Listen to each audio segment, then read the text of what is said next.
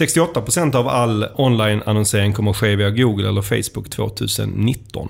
Det är alltså två tredjedelar. Det är en eh, jäkla dominans. Ja, och denna undersökning är från e-marketer och förvisso gäller den USA, men jag brukar tycka att det som händer i USA ger oftast en ganska bra bild för hur det blir i Sverige. Framförallt gällande detta kanske. 2016 var motsvarande siffra 58%, så det, det är en dominans som redan är stor, men som också förväntas öka. Mm. Vi tycker egentligen att Sökpodden är en ganska nischad podd, men med det här så då täcker vi in två tredjedelar av all eh, digital marknadsföring med vårt innehåll.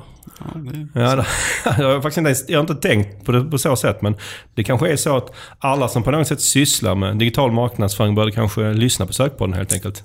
Absolut. Så det är kanske vårt mål inför 2019 att alla, alla ska lyssna på Sökpodden. Det är ett bra mål tycker jag. det tycker jag. Men vi tar ett steg i taget och börjar eh, med att köra igång avsnitt 31.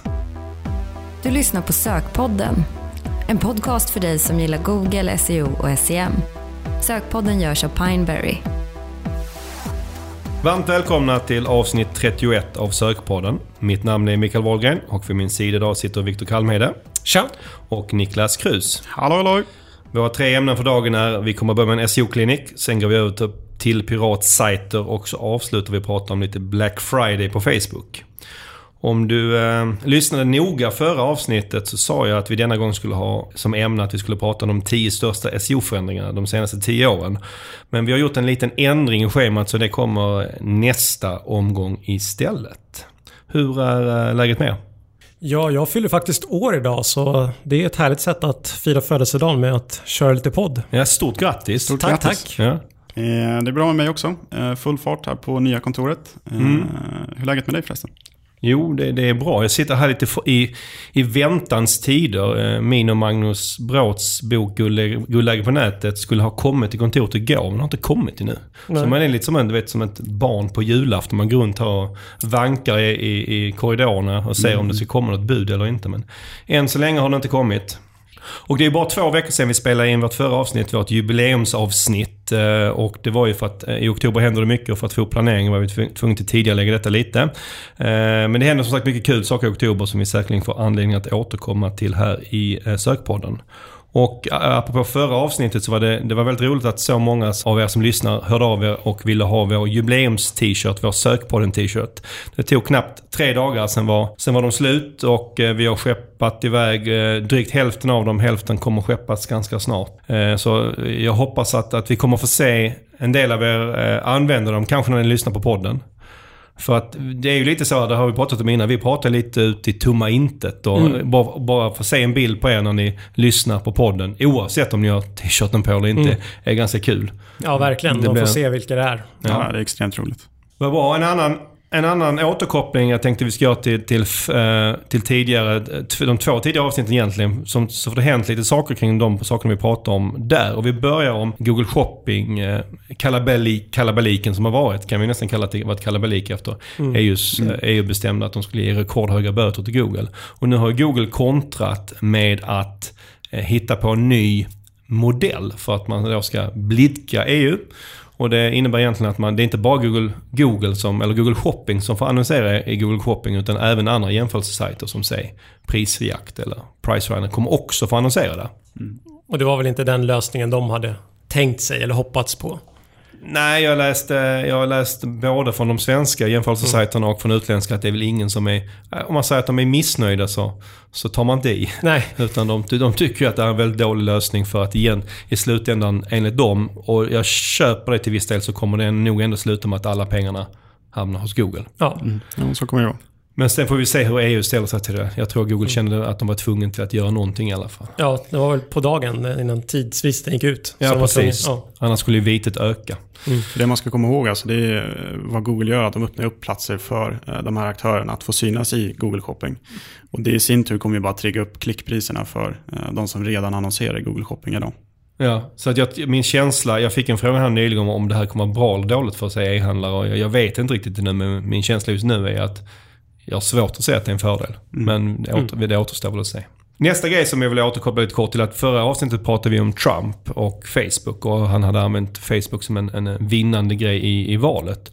Och en sak han, Facebook fick, fick lite skit för då var ju att Trump körde väldigt många olika budskap, väldigt många annonser mot olika målgrupper. Och det gick inte riktigt att granska de här annonserna i efterhand för de, de går inte att se någonstans förutom de målgrupperna som fick se dem. Och där har ju då eh, Zuckerberg och Facebook backat lite, eller hur Niklas? Eh, ja men det får man ändå säga att de har gjort. Eh, så vad de har förändrat är att eh, det ska vara större transparens eh, mm. när politiska partier eller politiska annonser eh, syns på Facebook. Eh, som har gjort att du, du egentligen ska kunna se alla annonser som rullar för ett politiskt parti. Ja. Och vad jag förstår så kommer det samlas under deras Facebook-sida mm. som det ser ut i dagsläget. Och jag tror inte det här är riktigt till live nu men det är väl någonting som kommer inom kort. Men... De, de, har sagt att de ska få live relativt snabbt, snart. Mm. Och det som är intressant är vad som kommer hända inför svenska valet här också. Ja. Och en annan en fråga som vi pratade om här lite innan är att okay, det här är då, gäller ju egentligen då bara för politiska partier att de måste redovisa alla mm. sina annonser. Och jag kan köpa att det finns en viss logik i det. Svårare att komma undan med fake news. Ja, till exempel. Men äh, tycker, tycker vi att det borde vara så för alla annonsörer på Facebook? Eh, ja, det tycker jag absolut. Eh, och det begrott, eller bottnar ju någonstans i att man ska vara transparent mm. i allt man gör och i, mm. framförallt i sin annonsering. Eh, så jag, jag, tycker det absolut. Ja, för min första tanke när jag tänkte på det var att ja, men det är väl inte så viktigt. Alltså om jag, vilka annonser vi skapar är, ja, alltså det, är, det är våra annonser. Liksom. Mm. mm. Men sen hade du ett ganska bra argument tyckte jag Niklas. Att, att ja, så länge du gör schyssta annonser så kan man ju tänka så. Men mm. folk som håller på och gör liksom, säljer saker som inte finns och gör väldigt tveksamma saker i sina annonser. Då finns det liksom ett, ett, ett ganska stort skäl för att det ska vara publikt. Och då, då, då har man inte samma incitament att göra det heller. Eh, nej, absolut. Och sen en annan grej eh, för just e-handlare där man använder mycket rabattkoder. En mm. problematik vi har idag är just att kunder tappar bort eller inte sparar den här rabattkoden. Mm. Eh, om man nu kan vända sig till ett ställe där alla annonser samlas, eh, mm. då är det lättare att hämta den på efterhand också. Fast då kan vilken kund som helst komma åt rabattkoden? Det kan man göra, absolut. Och det är Så väl någonstans det de vill också, att man ska använda rabattkoden för att köpa grejer. Så att... ja. Vi får se vad Facebook väljer där. Med det så eh, startar vi igång dagens första ämne.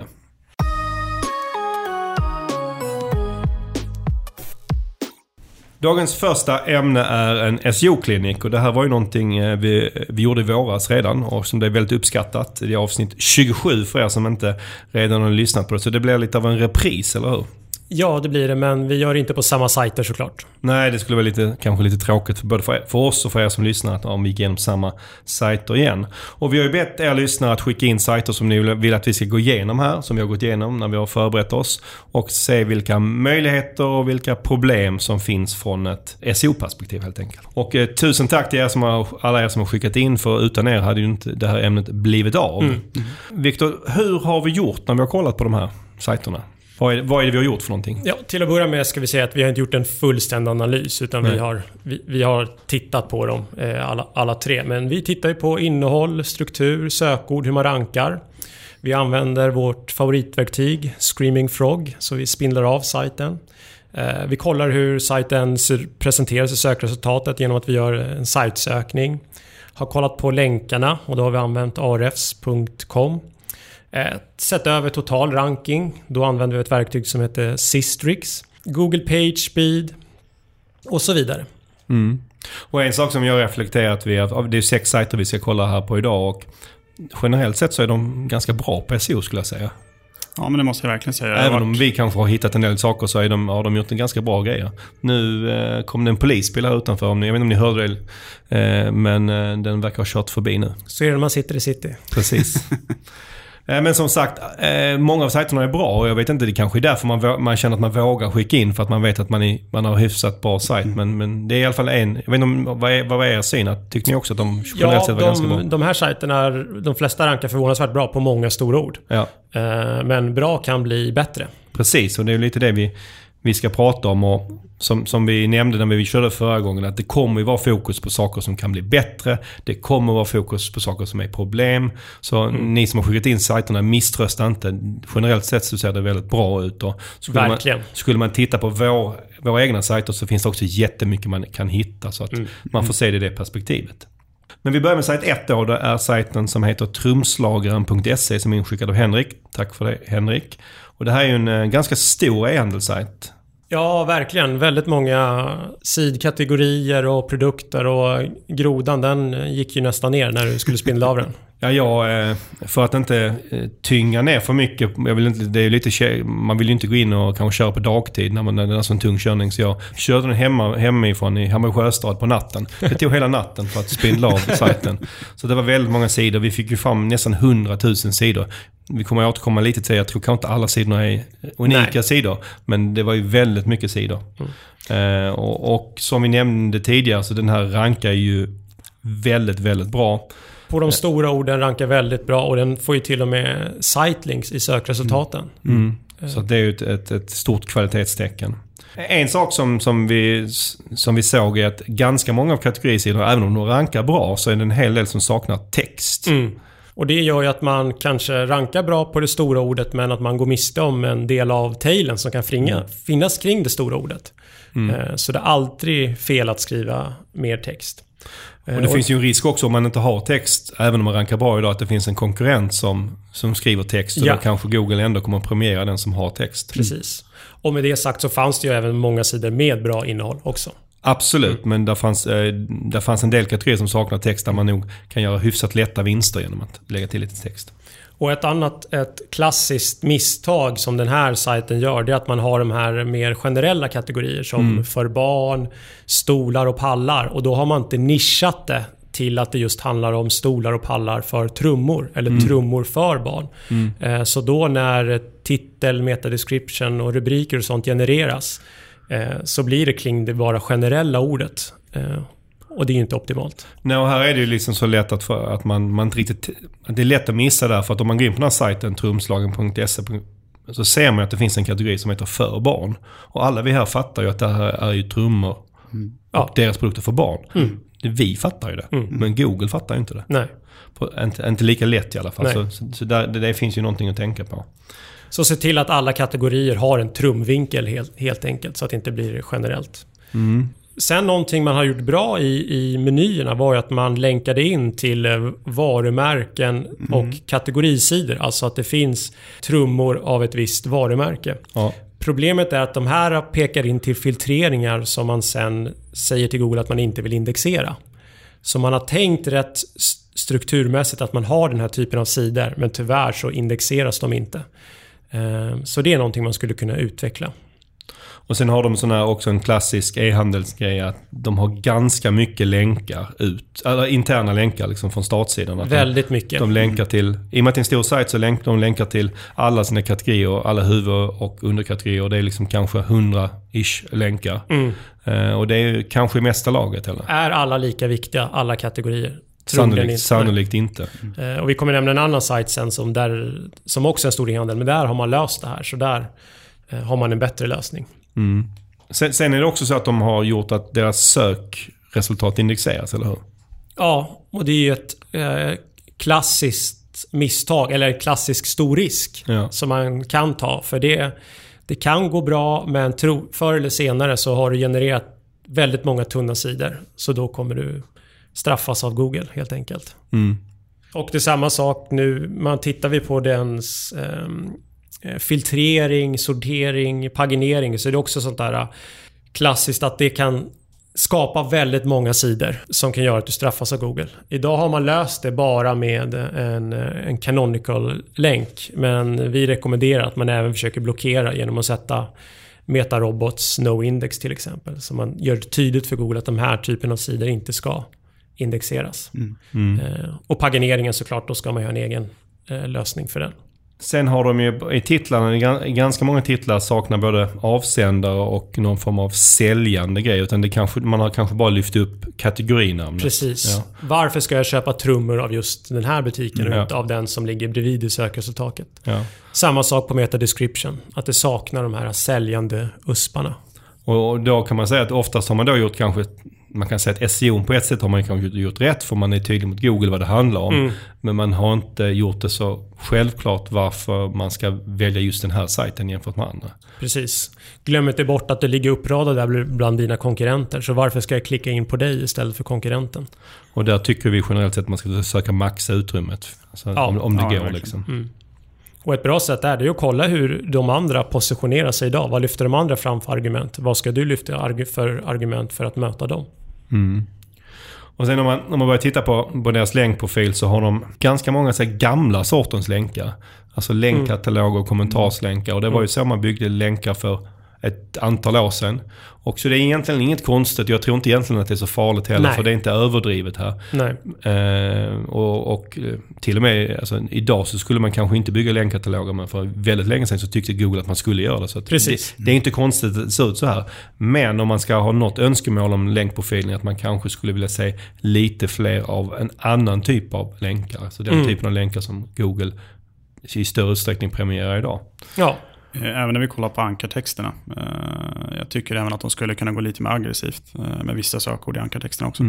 Ja. Försök. De är ju svåra att få, men försöka. Ja, precis. För att om man tittar på, an- på ankartexterna så är det ju mest deras varumärken och Mm. kanske inte så mycket deras kategorier. Så där finns en del att göra. Mm.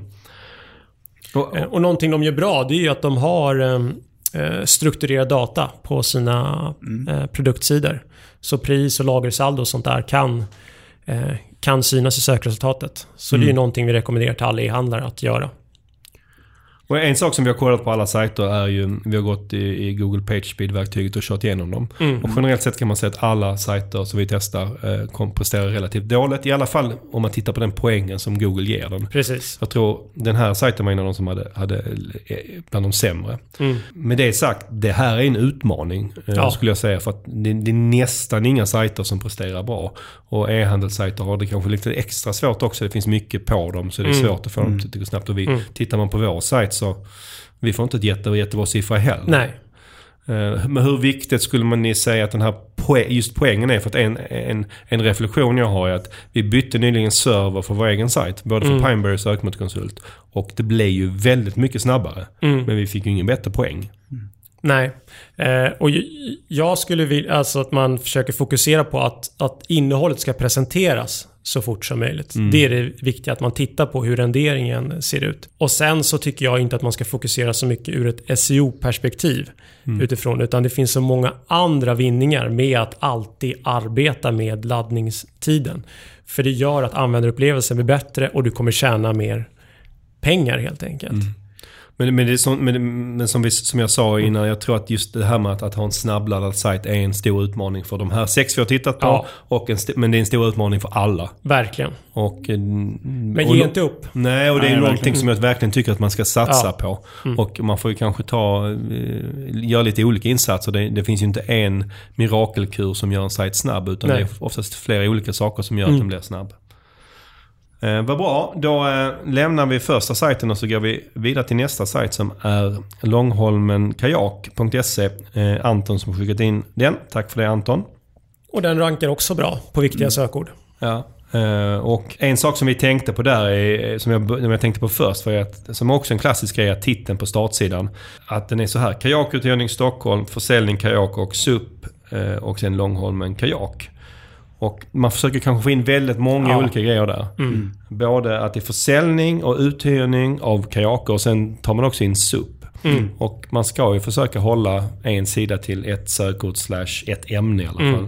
Speciellt för den här kunden ska jag säga, där man faktiskt har eh, en sida där man eh, driver försäljning av just kajak och SUP. Mm. Eh, Så det känns dubbelt, eller dumt att köra det dubbelt. Ja. Och en annan sak som jag tänkte, tänkte på på den här sajten är att man kanske skulle behöva några sidor till för att täcka upp lite fler sökord. För Mm. det var till exempel Paddla i Stockholm som är ett eh, helt okej sökord. Mm. De rankar ganska bra. De rankar på så femma med det. Men den sidan är inte, är inte egentligen fokuserad på paddla i Stockholm utan den är mer fokuserad på att hyra kajaker. Ja, precis. Så att man, man skulle kanske behöva titta, man behöver några landningssidor till Mm. för att bättre matcha sökorden. Och kanske lite ha det här utifrån in perspektivet. Ja. Vad söker folk? Inte, alltså, jag kanske skulle säga paddla istället Mm. för att eh, hyra kajak till exempel. För jag tror eh, om de vill då gå från plats fem till första platsen Mm. på paddla i Stockholm så tror jag att det är lösningen. Att man, Ja. att man har en specifik sida för det. Mm. Sen eh, noterar vi en grej där att, att vilket är ganska vanligt när det är sådana här upplevelsegrejer, att de, deras produkt återsäljs av andra aktivitetssajter. Precis. Och bland den här, eh, jag hittade en sajt som är aktivitet.se. Och på vissa sökningar jag gjorde så rankade de om dem med deras eget innehåll. Mm. Och det är inte sådär jättekul. Nej, och det är det är inte optimalt. Så då får man antingen skriva nytt, Mm. eget, unikt innehåll, som i det här fallet, eller tänka på att när man delar ut innehåll, att man delar ut ett annat innehåll än det man själv har. Ja, det är ju en väldigt lätt lösning. Eh, Sätt en färdig text som du kan skicka ut till eh, de andra istället för att skicka din egen text. Mm. Och sen var det precis här, eh, eller hur Viktor, att både paginering och, och indexeras och söket indexerades. Ja, precis. Man har inte gjort, gjort det på ett optimalt sätt. Så det kan indexeras helt enkelt. Ja. Så se till att bl- blockera Google för de sidor du inte vill att de ska eh, indexera. Mm. Och här hade vi också med meta-description och titlar att gör dem mer säljande. Ta fram dina uspar. Varför ska jag som besökare klicka in på just dig? Mm. Eh, bli mer säljande. Och sen om man tittar på länkarna in till den här sajten så var det liksom helt okej för det här segmentet. Det är ju inte kanske det mest konkurrensutsatta, det såg ganska bra ut. Mm. De hade väldigt, väldigt mycket från Airbnb. Eh, Mm. I och med att de har massa språkversioner och sådär. Ja, just det. Eh, ja, det är inte negativt egentligen, men, men det var en väldigt stor andel därifrån. Mm. Och precis som på första sajten så, om man ska utveckla någonting där så är det kanske att man ska, om man kan, få in lite mer ankartext. Det vill säga få in några av de viktigaste sökorden Mm. i ankartexten. I alla fall på de orden där man inte rankar i topp. Jag kan tänka mig att det är företag som besöker dem och gör det här. Kanske kanske som skriver om det på sin företagsblogg. Ja. Se till att få in länken där. Ja, verkligen. Liksom vårda kunderna som det har varit hos er. Men bra, då lämnar vi den och så går vi vidare till sajt 3 som är jkpg.com eller Jönköping, det är en förkortning för Jönköping.com. Men vi börjar med en grej egentligen där att, att där man, där man, jag vet inte om man blir imponerad av Google men jag såg det när jag googlade i alla fall att Google förstår att JKPG är Jönköping. Ja. Och, då- efter, efter ja. vi insåg det så testade vi en massa andra också. Ja. Och de förstod de flesta. ja, de flesta förkortningar vi kunde komma på på lite större orter i Sverige tog Google. Ja. Så det var, det var häftigt. Och den eh, ja, också är en sajt som om man kollar på Visibility Index som, som vi har kollat på så, så ser det ganska lovande ut. Den har rankar, rankar bättre och bättre. Ja, Ja, verkligen.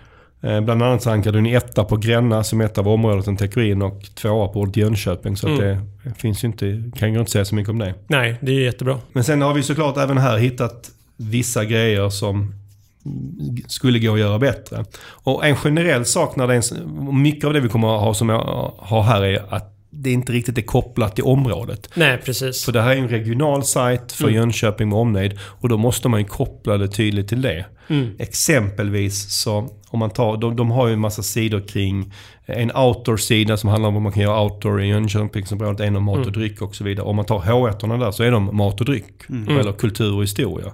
Och det borde i så, så fall snarare vara då kultur och historia i Jönköping. Precis. Eller, Yes. eller vilket område det nu gäller. Det är lite som vi nämnde tidigare med trumslagan. Utan det det, du måste bli mer specifik. Du kan inte vara det här generella. Utan det är i Jönköping. Det är det du måste lyfta fram. Jag hittade ett ganska eh, talande exempel på det. För att eh, bland, bland de här sidorna så finns det även sidor för olika kända och bra restauranger i Jönköping. Eh, och det är såklart jättebra. Och där är en bra restaurang som heter Sjön. Mm. Och titeln för den här sidan är bara Sjön. Man berättar eh, varken att det är en restaurang eller att den då ligger, i Jönköping. Nej. Och alltså, att, att den ska ranka på bara sjön, det känns ju inte Nej. riktigt relevant. Så det bör man, jag tror om man fixar till det så att man hela Mm. tiden får koppling till vad det är och var det är. Mm. Så tror jag att man har mycket att vinna. För titlarna idag, där finns ju inte avsändaren med. Eller ibland så står det den här förkortningen. Så det Google gör då, det är att de i sökresultatet lägger till destination Jönköping. Ja. Har vi sett. Och det är ju de som ligger bakom den här Ja. sajten. Så om, om ni istället hade med Jönköping Mm. så, som avsändare så skulle det stå troligen i sök, sökresultatet. Ja, det är lite intressant faktiskt att Google har snappat upp det. För att jag, Ja. eh, vi förvisso länkar den här sajten ut till eh, destination Jönköpingssidan. Men det måste ju vara på det sättet att Google har snappat upp det och lägger till Mm. det i titeln. Eller om det kanske har stått på sajten tidigare. Ja. eh, som vi inte vet. Sen en sak vi upptäckte det var att man eh, kan faktiskt skriva in vilken subdomän som helst Mhm. eh, på sajten. Så får man upp en kopierad version. Och det här hade indexerats lite. Vi såg att det fanns att det kan ha varit försök till språkversioner. Hitta ES. punkt och FR. punkt. Men det här är ju såklart inte bra utan du ska inte kunna skriva in en, vilken subdomän som helst. Eh, och om det görs så måste du blockera Google för, för det här. Ja. För det gör ju att det kan genereras väldigt, väldigt många kopior av sajten helt enkelt. Och på tal om språkversioner så den engelska som är ju, den är ju en tänkt version som de Mm. har. Den skulle nog behövas lite översyn på. För om man tar titeln till exempel på startsidan så är titeln eh, på den engelska då, startsidan ent, entire och sen ett hashtaggen och sen JKPG. Mm.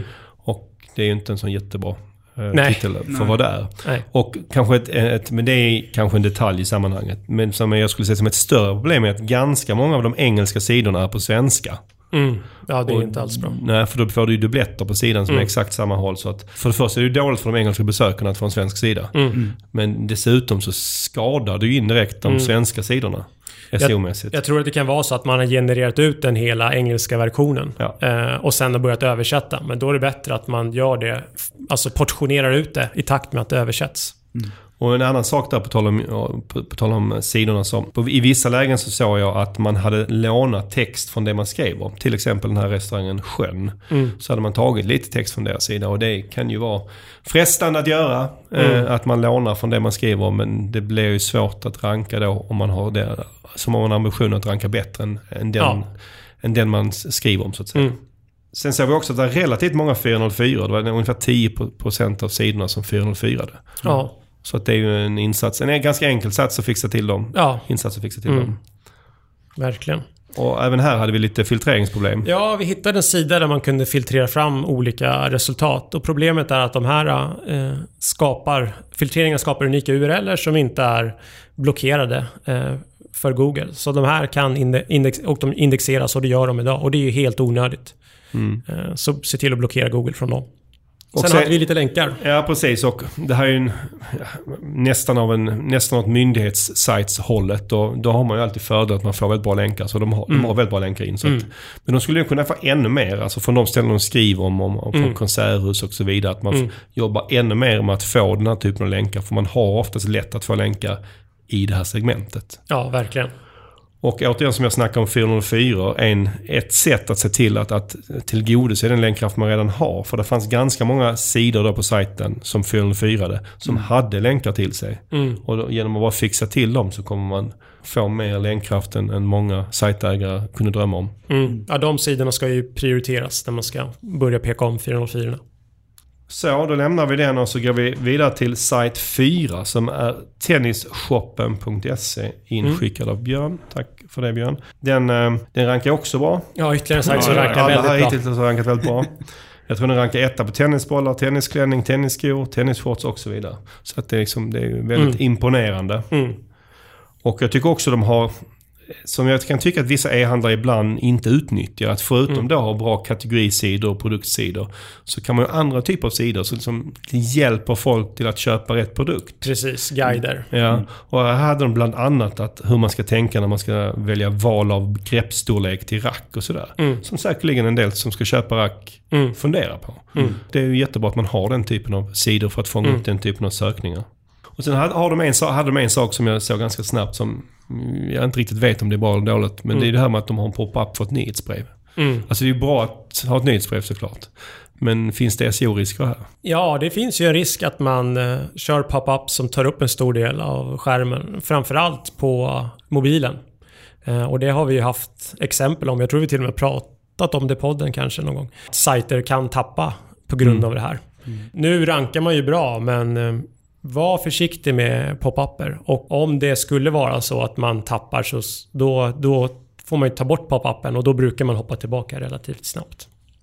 Har du några bra tips om man eh, vill använda pop-up? Vad ska man tänka på? Det jag skulle tänka på det är att se till att pop-upen inte tar upp för stor plats. Så att man gör den liten. För det har vi sett att hur stor yta den tar upp har effekt. Och sen att man eh, genererar den sist, eller renderar ut den sist helt enkelt. Eh, så att det riktiga innehållet kommer först. Och sen vara försiktig helt, och vara medveten om riskerna. Så man bevakar hur det, vad det får för effekt. Och sen, sen så- såg vi ju här, precis som vi sett på många andra, att, att titlarna skulle kunna göras lite mer säljande. Mm. Men kanske framförallt att nästan 95% av alla titlarna var för långa. Mm. Och därom tvistade lärde, men sannolikt påverkar det inte hur man rankar att de är för långa. Nej. Men det påverkar ju kanske konverteringen för att det ser inte så jättekul Framförallt inte om det viktiga i titeln kommer efter det som bryts. Precis, och det, idag genereras ju titlarna ut efterfrån vad kategorierna heter. Och då blir det inte så säljande när man har kategorier som övrigt varumärken, visa alla. Eh, Då står det här i alla titlar och det är inte säljande utan varför ska jag köpa tennisprylar av just den här butiken? Och när vi är inne på det så ser vi också att 90%, 96% av metadescription var duplicerade här. Att det här Mm. Där behöver man lägga lite kärlek på Ja. att, att man kan inte sitta och skriva dem kanske för hand, för det är för många, men man får liksom generera ut dem lite smart, på ett smart sätt så att de Precis. blir unika för sidan. Ja. Sen hittar du någonting kring Nosto. Ja, och vad är Nosto förresten? Ja, det är ju en, en, en tjänst som många e-handlare använder för att rekommendera produkter eh, på, på sidor. Relaterade produkter, många andra tyckte om. Och det här är ju någonting som skriptas ut, alltså en lista på produkter som skriptas ut på sidorna. Och sen pekar det länkar till de här produkterna eh, och då kan man ju tycka att eh, det här ska vara lugnt. För Google kan ju inte följa JavaScript. Men jo, det kan de. Så de följer de här eh, länkarna och de pekar till eh, eh duplicerade URLer. För de lägger till parametrar på de här produkt-URLerna. De här produkt-URLerna med parametrarna har för sig en canonical som pekar till rätt eh, produkt-URL. Men eh, det vi ser det är ju att de här blir indexerade eh, tyvärr. Så canonical räcker inte. Återigen, du behöver gör, gör det ännu tydligare för Google att du inte vill att det här ska indexeras. Och varför det ens peka till duplicerade URLer.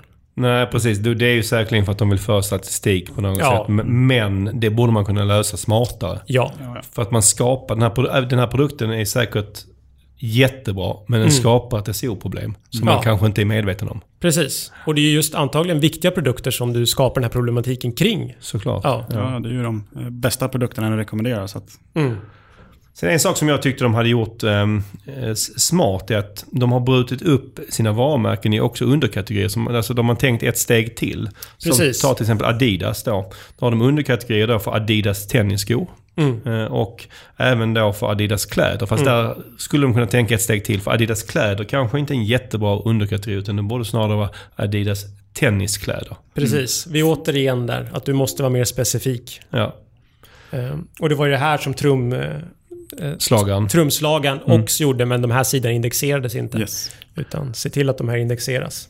Och tittar vi på länkarna in så, så är det helt okej. Det ser bra ut. Här har man ju möjlighet att få kanske ännu mer från klubbar och leverantörer. Det Ja. finns ju väldigt många tennisklubbar så att alla de borde ju...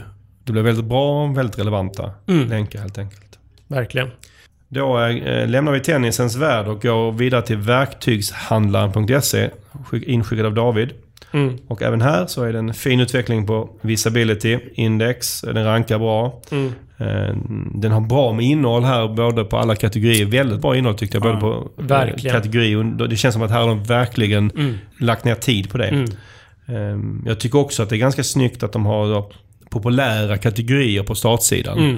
För då har man verkligen tänkt till kring det vi pratade om innan, att man länkar till de viktigaste sidorna. Precis. För de populära kategorierna är sannolikt de viktigaste sidorna att länka, Mm. länka till. Och det, var, det är även den här sajten som har en väldigt fin navigering som är hierarkiskt eh, uppbyggd.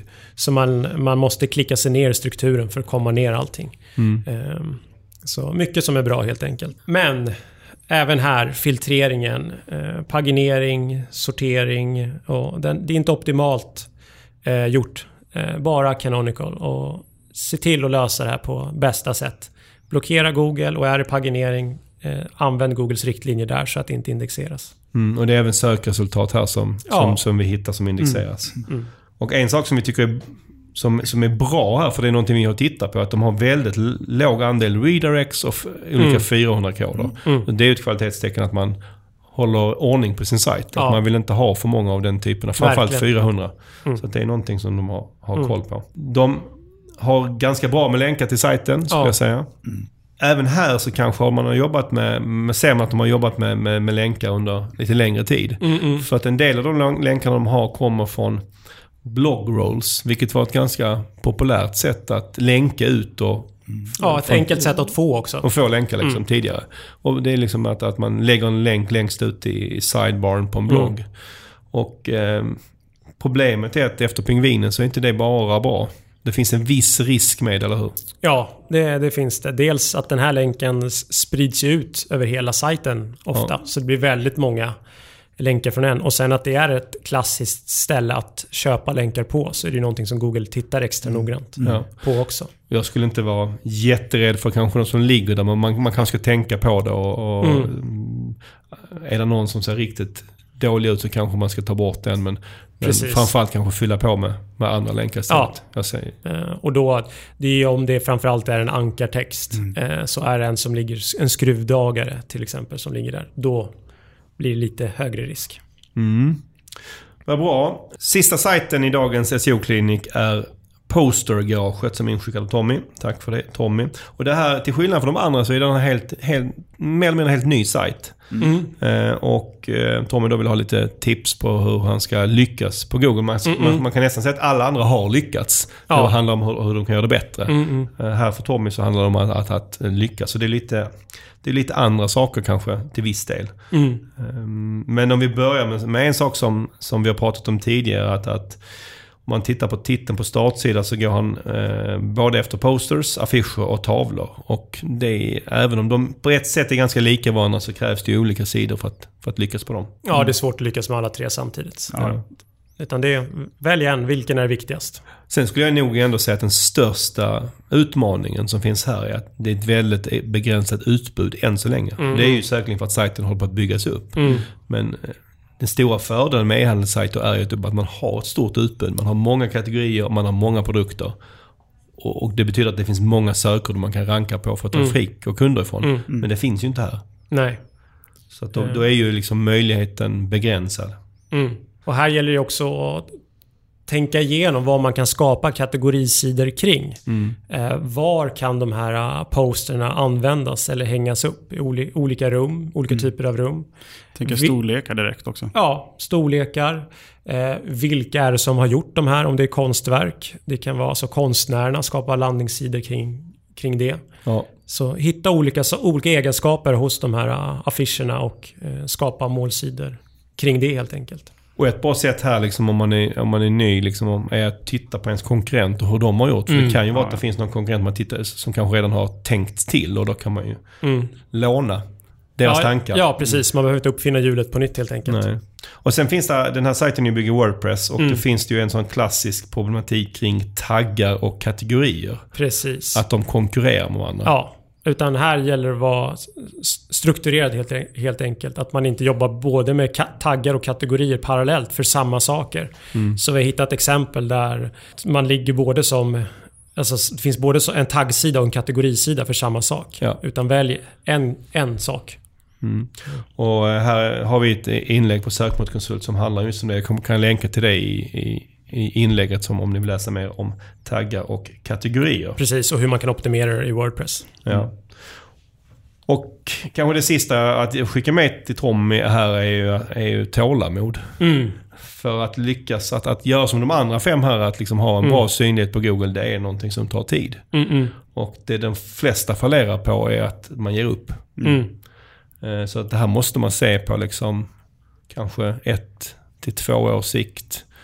Eh, Ja, och, verkligen. och man kan inte riktigt bygga businessen på att det är där all, alla intäkterna ska komma från dag ett. Utan Nej. man får ha något annat flöde för att få in kunder till att börja med. Mm, mm. Så är det. Och inte glömma bort länkar redan nu. För det Nej. är nu du, du har mycket kontakter ute kanske. Ja. Eh, Så glöm inte bort eh, länkarna där. Så, då var vi klara med eh, dagens SEO-klinik. Eh, vill ni att vi ska köra en klinik igen lite längre fram eh, så hör gärna av dig med din sajt så sparar vi den till det tillfället. Då kör vi igång med dagens andra ämne.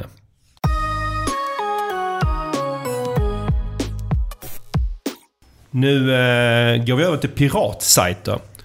Och det här är ju ett, eh, ett ämne som vi fått på förslag av vår kära branschkollega Kristoffer Wedholm, Krive, från Linköping. Mm. Jag vet att han har flyttat in i ett, att du har flyttat in i ett nytt kontor. Jag hoppas du, du kanske sitter där och lyssnar och, och har det bra. Eh, tack för förslaget Kristoffer. och så refererade också till en annan artikel som en annan branschkollega har skrivit som heter Anders Ivar, eller Anders Karlsson. Mm. Och eh, vi länkar till det inlägget. Det det är också väldigt läsvärt kring Mm. det här ämnet. Det här med piratsajter då. Vad, vad, vad är det och när, när börjar vi se det? Det här har ju alltid funnits, men vi började se i våras att det började bli vanligare helt Ja. enkelt. Sen har det väl exploderat nu under, under sommaren kan man Mm. säga. Och det är ju att det, någon eh, kopierar din, hela din sajts innehåll och lägger upp på en eh, ny domän. Mm. Helt enkelt. Och det är oftast webbshoppar, men det är inte bara det. Nej, utan det, är, det, är, vi har ju, finns myndighetssajter som har drabbats. Och, Mm. ja, st främst större sajter, men det ja, över hela webben helt enkelt kan man se där. Ja, jag kan också säga att vi har hittat, eh, när vi gjorde det här ämnet så hittade vi också att vår egen sajt sökmotorkonsult.se har blivit kopierad. Än så länge har vi inte sett de negativa effekterna vi kommer Nej. komma till för vår egen del. Eh, Men vi, det är också någon som har kopierat eh, vår sajt. Mm. Och de här eh, sajterna läggs då på lite obskyra domänhändelser som man oftast inte känner till sedan innan. Nej, De vanligaste vi har sett är .tk, .gq, .ga och .cf. Det är de Mm. vi ser, har sett mest av. Mm. Och det är ju att de här kan man ofta få gratis. Ja. Eh, Så då är de enkla att använda för den här typen av ja, spamning helt enkelt. Och de här piraterna, om vi får kalla dem det, som, som bygger de här piratsajterna. Varför gör de det här? För vi har pratat om liknande saker innan där ibland man kan ha svårt att se motivet. Men här är det ett ganska tydligt motiv, Mm. eller hur? Det här blir ju en form av affiliates-sajter. De försöker, eh, eller lägger upp annonser och länkar vidare till andra sajter helt enkelt. Alltså de helt enkelt tar ett innehåll och hoppas kunna ranka på det. Mm.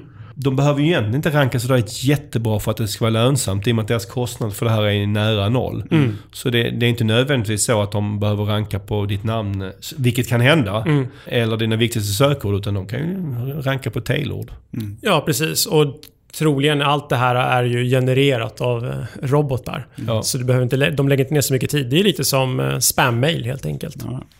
Och hur kan det här egentligen funka? För det här borde ju inte funka kan man tycka.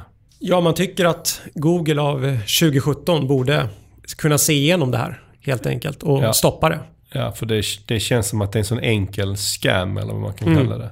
Men det är väldigt tydligt att Google inte gör det. För ibland har vi sett när vi har tittat på den drabbade sajten och så har vi gjort, har vi gjort en cache-sökning på den. Mm, mm. Och den, den domänen som dyker upp i cache-sökningen är det piratsajten. Det är Mm, mm. jättemärkligt. Ja. Men det är ju ett väldigt tydligt bevis för att Google blandar ihop de här Mm. sajterna. Och det är ju det de här piraterna spelar på. Att Google inte kan hålla isär vad som är originalet och vad som är de stulna kopiorna. Precis. Och det är ju ett klassiskt knep. Om ett innehåll försvinner på nätet så kan du ta den positionen om du lägger upp samma innehåll på din egen sajt.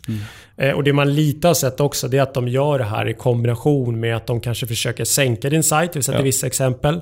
Att de angriper servern eller någonting eller hackar den på olika sätt så Google inte tycker om den. Eller att de försöker stärka upp de här non-kopiorna genom att peka in massa andra sajter som har länkar till sig helt enkelt. Ja. Vi har ju sett några exempel där den, den riktiga sajten så säga inte längre rankar på sitt eget namn. Nej. Och då kan det, kan det bli ganska kostsamt. Ja, och det är inte kul för varumärket att det ligger upp en annan sajt kring ditt varumärke med ditt innehåll ser ut som, men sen är det massa ja, saker man inte vill länka till helt enkelt. Nej, för det, det som de, de affiliate-länkarna som finns där, det de gör reklam för så att säga på, den, på spöksajten är ju... Det handlar ju ofta om dating och sex och Mm. inte saker som man kanske Mm, mm. direkt vill förknippas med. Mm. Så att, och, men det ser ju, för ett otränat öga så ser det ju ut som att det skulle kunna vara det riktiga varumärket. Ja, Så att det blir väldigt, väldigt konstigt. Hur, eh, nu är det kanske del som blir lite oroliga och känner att "Åh, har jag också blivit drabbad? Har jag också en spöksajt som är ute och flyger någonstans där ute på internet? Hur tar man reda på det? Eh, Det lättaste sättet skulle jag säga det är att ta ett textstycke. Eh, På startsidan, en kategorisida och kör det exact match på Google helt enkelt. Mm. Just för att se, finns mitt innehåll duplicerat någon annanstans? Så man bara googlar på sitt innehåll och ser vad som dyker upp. Ja, Mm. Ja. Och där kan det vara klokt att googla på ett par olika saker för att säkerställa att, för det kan ju vara att de inte dyker upp på en sökning, men gör man på ett par olika och inte hittar någonting så kan man väl andas ut ett tag i alla fall. mm. Och det, det är ju en sak som, det är ju inte just bara det här med spöksajter. Det finns ju ett bra sätt att liksom ta tempen på sitt egen sajt SEO-mässigt är ju att googla på sitt innehåll lite då och då. ja. För det kan vara annat så att det kan vara att någon, konkurre- någon konkurrent har tagit texten av andra skäl. Mm. Och det är ju inte så bra för det heller. Mm, mm, verkligen. Och en sak som, som är lite, eh, för det här är ju olagligt att göra så här. Man, man, man stjäler ju innehåll. Ja, Så man, man, man bryter ju mot lagen, mot upphovsrätten, säkerligen mot andra lagar också. Mm. Och på ett sätt kan jag tycka att det här skiljer sig då mot andra saker när man, man ibland pratar om när det gäller SEO som jag kan då tycka är lite nästan lite tröstlöst där man pratar om black hat och white hat. Mm. Och det är ganska moraliska aspekter på vad man gör och inte gör. Mm. Till exempel att om man har massa spunnet innehåll med sökord överallt på sin sajt Mm. så ska det vara liksom något alldeles förkastligt och fel. Och Mm. Om man registrerar sig i tusen ryska länkkataloger så ska det också vara värre än eh, nå- nå- nå- någonting annat. Men jag tycker att vill man göra det, det är inget jag rekommenderar, men Nej. vill man göra det så får man väl göra det. Ja. Sen är det upp till Go- Google att avgöra om det här är okej eller inte, om de vill visa den typen av sajt i sökresultatet. Men det här skiljer sig mot det, för det här handlar inte om white hat eller black hat. Det här handlar om att det här är ju olagligt att göra. Precis. Med det sagt, är det lönt att polisanmäla det tror ni? Jag tror inte det leder vidare till någonting. Nej. Det, det har, har ingen effekt. Men varför inte? Och det skulle kanske vara av den anledningen att om man, om man upplever att man har lidit skada av det Mm. så kanske det kan vara klokt att göra det av rent försäkringstekniska skäl. Om man Mm. vill att försäkringen ska kunna gälla så kanske Mm, man måste göra en absolut. polisanmälan. Men det, det är sannolikt inte att polisen kommer åka ut och stänga ner de här sajterna. Nej. För de, de har inte möjlighet att göra det i och med att det händer utanför Sveriges gränser. Så vad gör man istället då om man har drabbats om man inte ringer polis? Ja, det är, man kan ju börja med att anmäla domänen som, eh, eh, till den som ansvarar för den här ändelsen helt enkelt. Ja. Där du hittar det här innehållet. Skulle det då vara i Sverige så skulle det vara en svensk domän, alltså .se, så skulle det vara att man an- anmäler dem till IIS. Precis. Nu är ju inte den, det är inte .se-domäner som används, men det är samma princip då. Mm. Sen kan man ju också anmäla till registraren där de som egentligen sköter om just den domänen. Mm. Eh, Och, och då snackar vi om motsvarigheter till Loopia eller GoDaddy eller... Många här är ju från ett ställe som heter Freenome där man kan just få gratisdomäner. Exakt. Och den har jag, hört- det har jag hört att det, det skulle man kanske inte kunna tro eh, att, att det går men, men det funkar ganska bra att man anmäler till dem. De är ganska snabba på att, att agera där. Ja, och de har ju blivit varse nu. Sen kan man ju också anmäla till hosten där sajten, de har ju lagt det någonstans. Oftast Ja. är det också någon form av gratisvariant. En som har varit vanlig här är ju Cloudflare. Precis. Eh, Men anmäler man till dem så kanske Mm. de tar bort den efter Mm. ett tag i alla fall. Och sen den sista saken man kan anmäla till, som egentligen kanske borde vara den bästa, men det är nog den sämsta. Ja. Och det är anmälan till Google. Ja, För det händer inte sådär jättemycket. det, det, det, det händer ingenting. Eller Nej. det tar i alla fall väldigt tid. Vi har också sett rekommendationer om att i och med att de här sajterna kopierar eh, din sajt och lägger upp det så följer eh, din verifieringskod för eh, Google Search Console med. Och det skulle kunna göra att du skulle kunna lägga till de här eh, sajterna i ditt, på ditt Google Search Console-konto. Eh, på så sätt säga att de skulle eh, avindexera innehållet helt enkelt. Men jag har inte testat om det här går, men det är ingenting jag skulle rekommendera. För det gör att du kommer lägga till massa spam-sajter på ditt Search Console-konto. Som gör att det kommer se ut som att ditt, ditt Google-konto är något som administrerar väldigt många spam-sajter. Så jag skulle inte rekommendera den här metoden. Nej, jag håller med. Det, det känns inte riktigt rätt. Men visst skulle det varit lite kul att lura piraterna på det här Ja, sättet. precis. Att, att de inte riktigt fattar Ja. vad som händer. Att man tar bort deras sajter direkt. Men eh, man får Ja. använda de andra åtgärderna istället. Mm. Och en annan sak man kan tänka på också att göra som inte är ju att det är inte omöjligt att den här spöksajten har länkat till dig eller som du säger att man har skjutit massa domäner mot dig för Mm. att skada dig. Mm, Och då kan det vara ju kanske klokt att disavowa de här länkarna. precis. Det är In- dags att se över sin länkprofil. Ja. Och inte då för att lösa det här problemet kanske, utan egentligen för att undvika nya problem. Hur lång tid tar det här att lösa om man har... Om man upptäcker, man googlar på sitt innehåll idag och ser att det är någon spöksajt som rank, eller piratsajt som, som rankar över det. Hur, hur lång tid tar det till man fixat det? Ja, det kan ta någon, någon till några veckor. Eh, det är olika hur, hur fort det går. Ja. Jag tror de snabbaste vi har sett är ett, ett, ett, ett par dagar. Eh, Mm. två, tre, fyra dagar. Mm. Liksom. Mycket snabbare så går det kanske Nej. inte. Och sen, sen kan du ta lite tag. Det är en sak till att du har fått då någon till att agera så att sajten Mm. försvinner. Mm. Sen att Google har indicerat om. Det kan du till viss del påskynda. Men sen att du rankar tillbaka som det var innan. Det kan ju ta ett tag. Tittar man på graferna på de jag har sett som har drabbats så är det lite skakigt i serpen ett tag efteråt. Mm. Men Man brukar, brukar komma tillbaka till där man var. Så att Ja, det, det, det som är väl bra här i det, det tråkiga med piratsajten är att det oftast går att lösa även om det tar ett lite tid. ja. Hur långt ska det behöva gå för att man ska behöva skapa nytt innehåll? Att det har gått så illa så att man måste skapa nytt innehåll? Är det om du märker att du inte återtar positioner helt Ja. enkelt. Då, då är det den enda vägen ut. Så är det så att, liksom att de här piratsajterna är borta. Mm.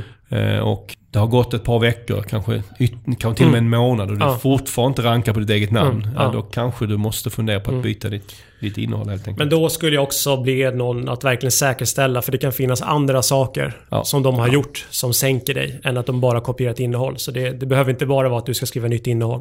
Hur eh, ska man skydda sig från det här? Går det att skydda sig ens? Det är jättesvårt.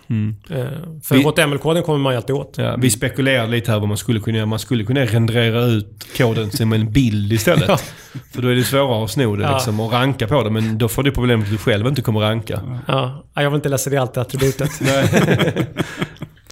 Men en sätt man kan göra är att om du vet var de här piraterna agerar ifrån så kan du försöka blocka deras IP-adress och Ja. göra det svårt för dem att ta, ta sajten. Det kan ju vara lite svårt att veta. Ja. Och de kan ju lätt hitta nya IP-adresser. Och att börja blocka stora spann av IPn från olika länder, gör inte det. Nej. För då blir det rätt att du råkar blo- blocka Google också. Det har vi sett Ja. flera gånger. Ja, för Google-botten kan komma från, även om de flesta gånger kommer den kanske från USA, så kan den komma från olika ställen. Ja. Och du kan ju också blocka kunder. ja. Och det är Så- lätt att göra misstag. Så Undvik det om du kan. Okej, då, med det lämnar vi eh, piratsajter och går vidare till dagens sista ämne.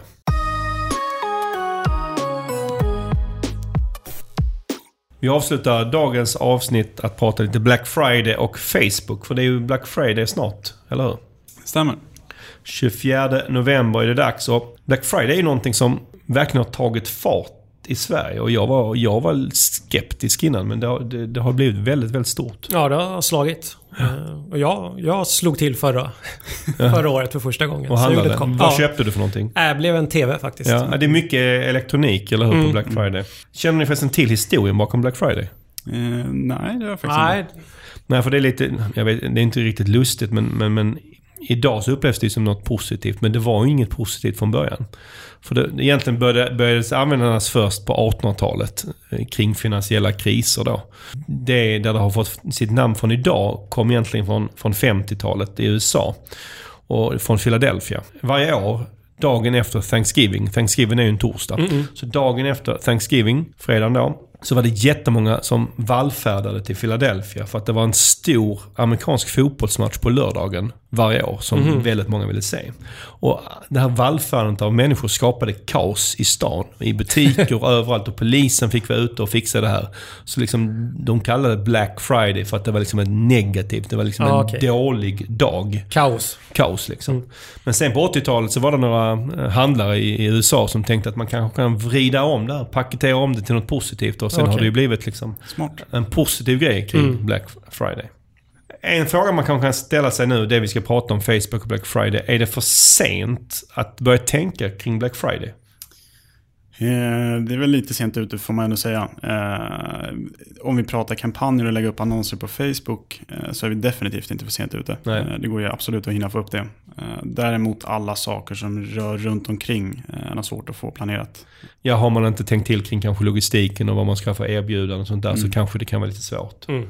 Men att, att just göra Facebook-arbetet som vi kommer att prata med, det, det hinner man hinns sannolikt med. Ja, ja. Och det kan väl också vara värt att veta att det vi pratar om nu gäller egentligen kan man applicera för andra sådana perioder där det, det säljs extremt mycket som jul eller nästa Black Friday. Eller man, Mm. om man har någon, någon period i sin, sin verksamhet där det säljs extra, extra mycket. Och det som är speciellt med Black Friday är ju att det är ju mer eller mindre en dag. Även om vissa har börjat köra kampanjer över till Cyber Monday också som är måndagen efter. Så för många så handlar det om att annonsera en dag. Och hur, man tänker kanske behöver tänka lite annorlunda då jämfört med hur- hur man annonserar normalt. Om vi, om vi börjar med budgeten. Hur ska man tänka budgetmässigt nu om man ska maxa den här dagen? Eh, Det första man ska ha eh, varse om sig det är att du eh, till att börja med så kommer du spendera mer pengar per klick vilket gör att du redan där måste ha en större budget. Sen har du ett köptryck som är så enormt mycket större för dina kunder. Så det är ju verkligen en dag, en försäljning du verkligen vill ta- tillvara på.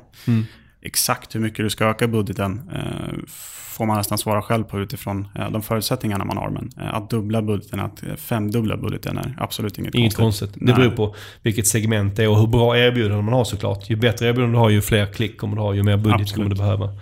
Kusinen till budget är ju budgivning. Mm. Hur ska man tänka kring budgivning en sån här dag när det är ju sannolikt extra många som vill annonsera? Det vi ser generellt sett är ju att du får en ökad klickkostnad, en ökad CPC-nivå. Eh, Det bästa sättet jag hade gjort eh, för att komma runt detta eller för att tackla det här problemet är att sätta manuella bud. Eh, Har du manuella bud idag, se till att öka dem kanske 10-15%. Eh, Mer än så borde du inte behöva. Har du automatiska bud idag så hade jag verkligen satt ett manuellt bud. Annars riskerar du stor risk att bara tappa budget och du får betala mer per klick helt enkelt. Varför blir det så med automatiska bud? Varför det Eh, fel? En jättebra fråga. Så Facebook algoritmer eller Facebook väljer ut i eh, aktionen eh, så kollar man väldigt mycket på hur många vill vara synliga till den här personen. Eh, Och under den här specifika högtiden så blir det väldigt mycket högre tryck. Det är fler som vill annonsera och vara synliga till de här potentiella kunderna. Och det tar Facebook in i algoritmen och har du eh, ett automatiskt bud så kommer Facebook ja, att höja ditt bud för du vill betala mer för det helt enkelt. Ja, och du har då sagt kanske till, till Facebook att jag idag vill jag spendera fem gånger så mycket pengar än vanligt. Och då, då ser Facebook till att spendera de pengarna. Ja, ja, tackar för det. Så att det kanske för i, i sämsta fall så blir det lika många besökare som vanligt fast de kostar fem gånger så mycket. Mm. Och här om man frågar Facebook hur mycket man ska öka buden så säger inte de, du sa väl 10-15 procent. Ja, de, säger ju mycket mer men, fjol sa de 20% till oss. Eh, Jag kan tänka mig att vi får liknande eh, rekommendation i år också. men det ligger ju också såklart i deras intresse att överdriva lite. Absolut. Sen ska man ju också komma ihåg att budar du eh, för lågt så kommer du inte få någon trafik och då står du som den stora förloraren också. Ja, så det är en- man får ju väga de två sidorna mot varandra. Nästa grej som är lite speciell är ju hur man sätter, tänker kring målsättning och optimering. För att det här är ju bara en dag så det är lite svårt att optimera, eller? Eh, ja, det, eh, det blir givetvis mycket, mycket svårare. Eh, Ja. Jag skulle nästan säga att det är omöjligt att optimera. Större, stora skillnaden mot klassisk optimering skulle jag säga att du mer eller mindre stänger av eller låter en annons fortsätta helt enkelt. Eh, Det är inte så mycket tweaka på bud och budget. Så om du fallet. märker att en annons eller någon målgrupp inte alls fungerar så bara stänger du av den utan Ja. att tänka så mycket varför. Utan det är väl den optimeringsåtgärden du kan göra under dagen då. Eh, Exakt, och sen hade jag reflekterat imorgon kanske. Eh, Mm. Varför gick den inte bra försöka ta med mig det till nästa år. Eh, Men det är svårt att agera där och då, mer än att stänga av. Vi brukar ju tänka att man ska optimera för köp inom sju dagar men det kanske inte funkar när man vill att det ska hända samma dag. Eh, Jag tror att det kan vara klokt att ändra till en dag. Eh, Mm. Just för att du vill ju, eh, mycket av köpen kommer ske direkt. Den normala säljcykeln kanske är att de besöker sajten tre, fyra gånger utspritt över en vecka. Eh, I det här fallet så tror jag att köpen kommer ske Mm. Och vad, vad, vad händer då algoritmiskt hos Facebook om man, om man normalt sett har sju dagar? Att man ska optimera för köp inom sju dagar om man ändrar till en dag. Vad händer? Eh, exakt vad som händer vet vi inte. Eh, det Facebook säger till oss händer är att de kommer välja ut de personerna som st- har större sannolikhet köper inom en dag efter man har klickat på en annons. Mm. Så på något sätt, om man då får tro på det Facebook säger, så vet de om vem som är mer benägna att köpa snabbt. Ja, Och att det är större chans att de får se annonserna. Ja. Finns det någonting annat man ska tänka på när man ska optimera? Eh, som sagt, i och med att det bara är en dag så är det svårt att få in tillräckligt mycket data. Eh, det, det man kan däremot göra, har man kört det här i fjol, eh, se till att du går igenom alla de kampanjerna med eh, både lykta och, och lupp och allt vad det heter. Försök suga ut all lärdom du kan ifrån, ifrån det. Men annars är det svårt att på en dag bara få tillräckligt mycket data för att optimera. För här handlar normalt sett när man kör annonsering på Facebook så har man ju all möjlighet i världen. Det är ju styrkan att man kan justera och ändra och förbättra. Men här handlar det snarare om att man måste få rätt ingångsvärden direkt. Att du Mm. måste ha rätt budnivå, du måste ha rätt budget, du måste ha rätt målgrupp och rätt material, rätt erbjudande och så vidare. För att du kan i princip inte ändra det. Så har man då gjort några misstag förra året så ska man i alla fall undvika att göra dem igen. Eh, En till sak där, du har ju säkert eh, någonstans delat upp dina målgrupper efter bättre presterande. Eh, I det här fallet så kanske jag hade valt att köra på de bättre presterande målgrupperna. Eh, och fokusera helt och hållet på dem. Mm. Om man nu är e-handlare där och har Black Friday som en, en viktig dag. Ska man se till att sova ordentligt innan och sen vara vaken i 24 timmar för att övervaka det? Eller hur gör man? Eh, Det är det optimala såklart. Eh, Det är svårt i praktiken. Ja. Eh, Jag ska säga att normalt sett så kan man inte optimera ett konto mer än några gånger i veckan. Mm. Jag ska säga, I och med att du lägger lite mer budget den här dagen så är det bra att ligga med och kanske kolla det här några gånger under dagen. Ja. Förslagsvis på morgonen, någonstans runt lunch och framförallt kanske innan du går hem för dagen. Ja. Och just stäng ner det som inte presterar. Och här handlar det också om att du kan inte ta så mycket beslut på data utan här är det lite mer Det är lite magkänsla. Ja. Ja, som man får. Hur ska man tänka kring erbjudandet? Vilket erbjudande krävs för att stå ut och få klicket? Ja, Det är väl ingen hemlighet att på Black Friday så är det ju väldigt mycket eh, rabatter och reor. Eh, Och ska du någonstans urskilja dig från mängden så måste du ha ett bra erbjudande. Eh, Ja. En bra rabatt helt enkelt. Men är handlar det om att man ska ha många erbjudanden eller är det ett? Eller hur, hur ska man tänka där? Eller spelar det kanske ingen roll? Det vi har sett bäst resultat ifrån eh, hos våra kunder är när de har fokuserat på ett bra erbjudande eh, för att locka in trafiken till sajten. Sen har man givetvis fler erbjudanden än ett, men eh, att locka in med det bästa erbjudandet brukar Så- tendera att fungera bättre. Man visar upp det bästa och sen visar Ja. man de andra i nästa läge. Och, och rabatt som sagt, det måste man ju ha. Men hur mycket rabatt ska man ha? Ja, det är en jättebra fråga. Det får man ju någonstans bestämma själv vad man har för möjligheter. Men att ge 5% rabatt kommer nog inte räcka Nej. i det här läget.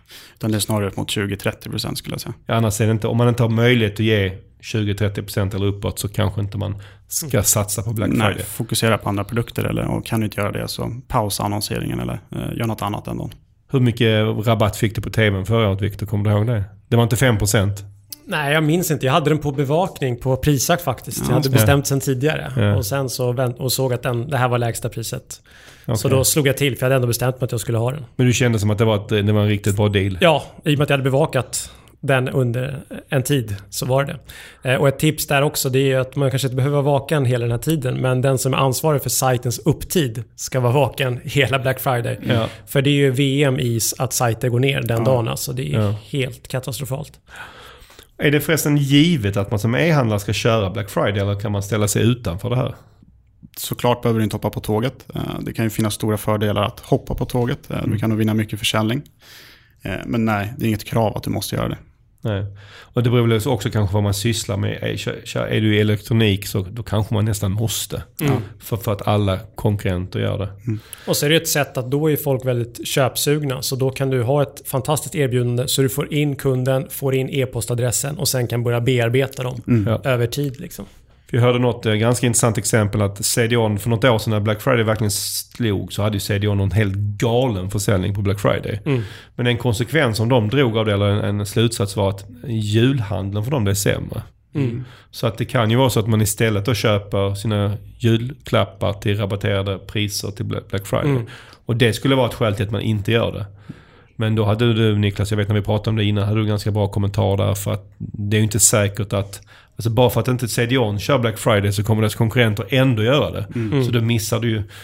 Du Tappar du allt. Får Ja, du, inte sälja någonting alls? nej, precis. Nej. Du säljer varken på Black Friday eller julhandeln. Det är vi kunder som vinner. Ja. Det man ska komma ihåg, och Victor är ett jättebra exempel på det, men han hade ju redan bestämt sig för att köpa en tv. Eh, Så allt han väntade var på ett bra eh, tillfälle, ett bra erbjudande. Eh, och det är också att man måste tänka på helheten. Alltså att logistiken och det är på plats. Sajten får inte gå ner. Eh, den här TVn som jag beställde, det tog ju jättelång tid att leverera. För det var ett sånt hårt tryck. Så jag var ju nöjd med priset, men jag var missnöjd över att det tog så lång tid för mig att få den. Ja. Eh, så helhetsintrycket av den här e-handeln, även fast jag hade förståelse för att det tog lång tid. Så, Ja. ja. Man vill ju ha den snabbt såklart, Ja. ändå, även om det är ett bra pris. precis. Se till att du har en stark eh, packslinga inför eh, Black Friday. Om det är nu så att man inte kör Black Friday, men man ändå annonserar, man kör inga speciella erbjudanden. Är det någonting man ska tänka då på som annonsör den här dagen? Ska man sluta annonsera eller pausa Eh. sin annonsering den dagen? Eller hur, hur tänker man? Två aspekter. Eh, För det första, annonseringen kommer vara dyrare. Eh, Det kommer påverka ditt resultat.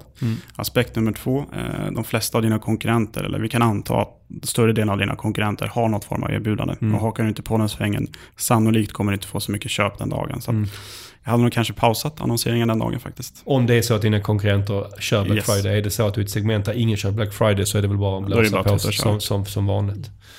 Eh, Viktor, vad, vad har du spetsat in dig på denna Black Friday? Har du någonting du ska köpa? Faktiskt inte, men det, det får jag se till att göra. Eh, Jag har själv funderat på en grej, eh, en elektrisk skateboard. Eh, Men det är bara om det kommer ut ett bra erbjudande som Ja. sagt. Alltså min, det är ju mycket elektriska prylar. Min nästa som pryl kommer att bli en Google Home. Men den går ju inte att köpa Ah. i Sverige. Men jag ska ju till London här om några veckor för att gå på Search Lab. Och då tänkte jag att jag ska se om jag kan köpa en där istället. Även om det inte är Black Friday. Mm.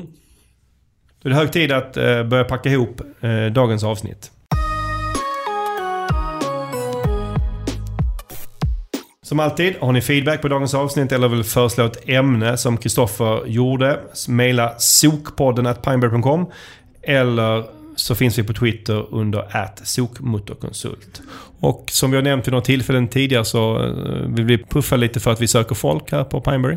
Mm, det, det gör vi och eh, flera av de som jobbar här idag har ju börjat på grund av eh, Sökpodden. Eh, så jag tror nog att någon som eh, lyssnar nu kommer börja jobba hos oss. Så hoppas att det är du. Jag undrar vem av er som lyssnar som kommer börja Ja, det är spännande för oss. Ja. Nej men det är faktiskt eh, ganska många som har haft, kanske inte det som enda anledning till att de har börjat här, men som har hört att vi söker folk här. Så förhoppningsvis sitter någon där ute som känner att ni vill jobba med Facebook eller Google och eh, då gå in på pineberry.com jobb. Kanske vi ses här om några månader eller så. Ja, detta avsnitt eh, kommer ju lite tidigare än vanligt för att det händer så mycket här i oktober. Och en konsekvens av detta är att det blir kanske lite extra länge till nästa avsnitt som kommer torsdagen den 23 november. Men vi hörs då och ha det fantastiskt tills dess. Sköt om er och tusen tack för att ni lyssnar på Sökpodden. hej då! Tack och hej!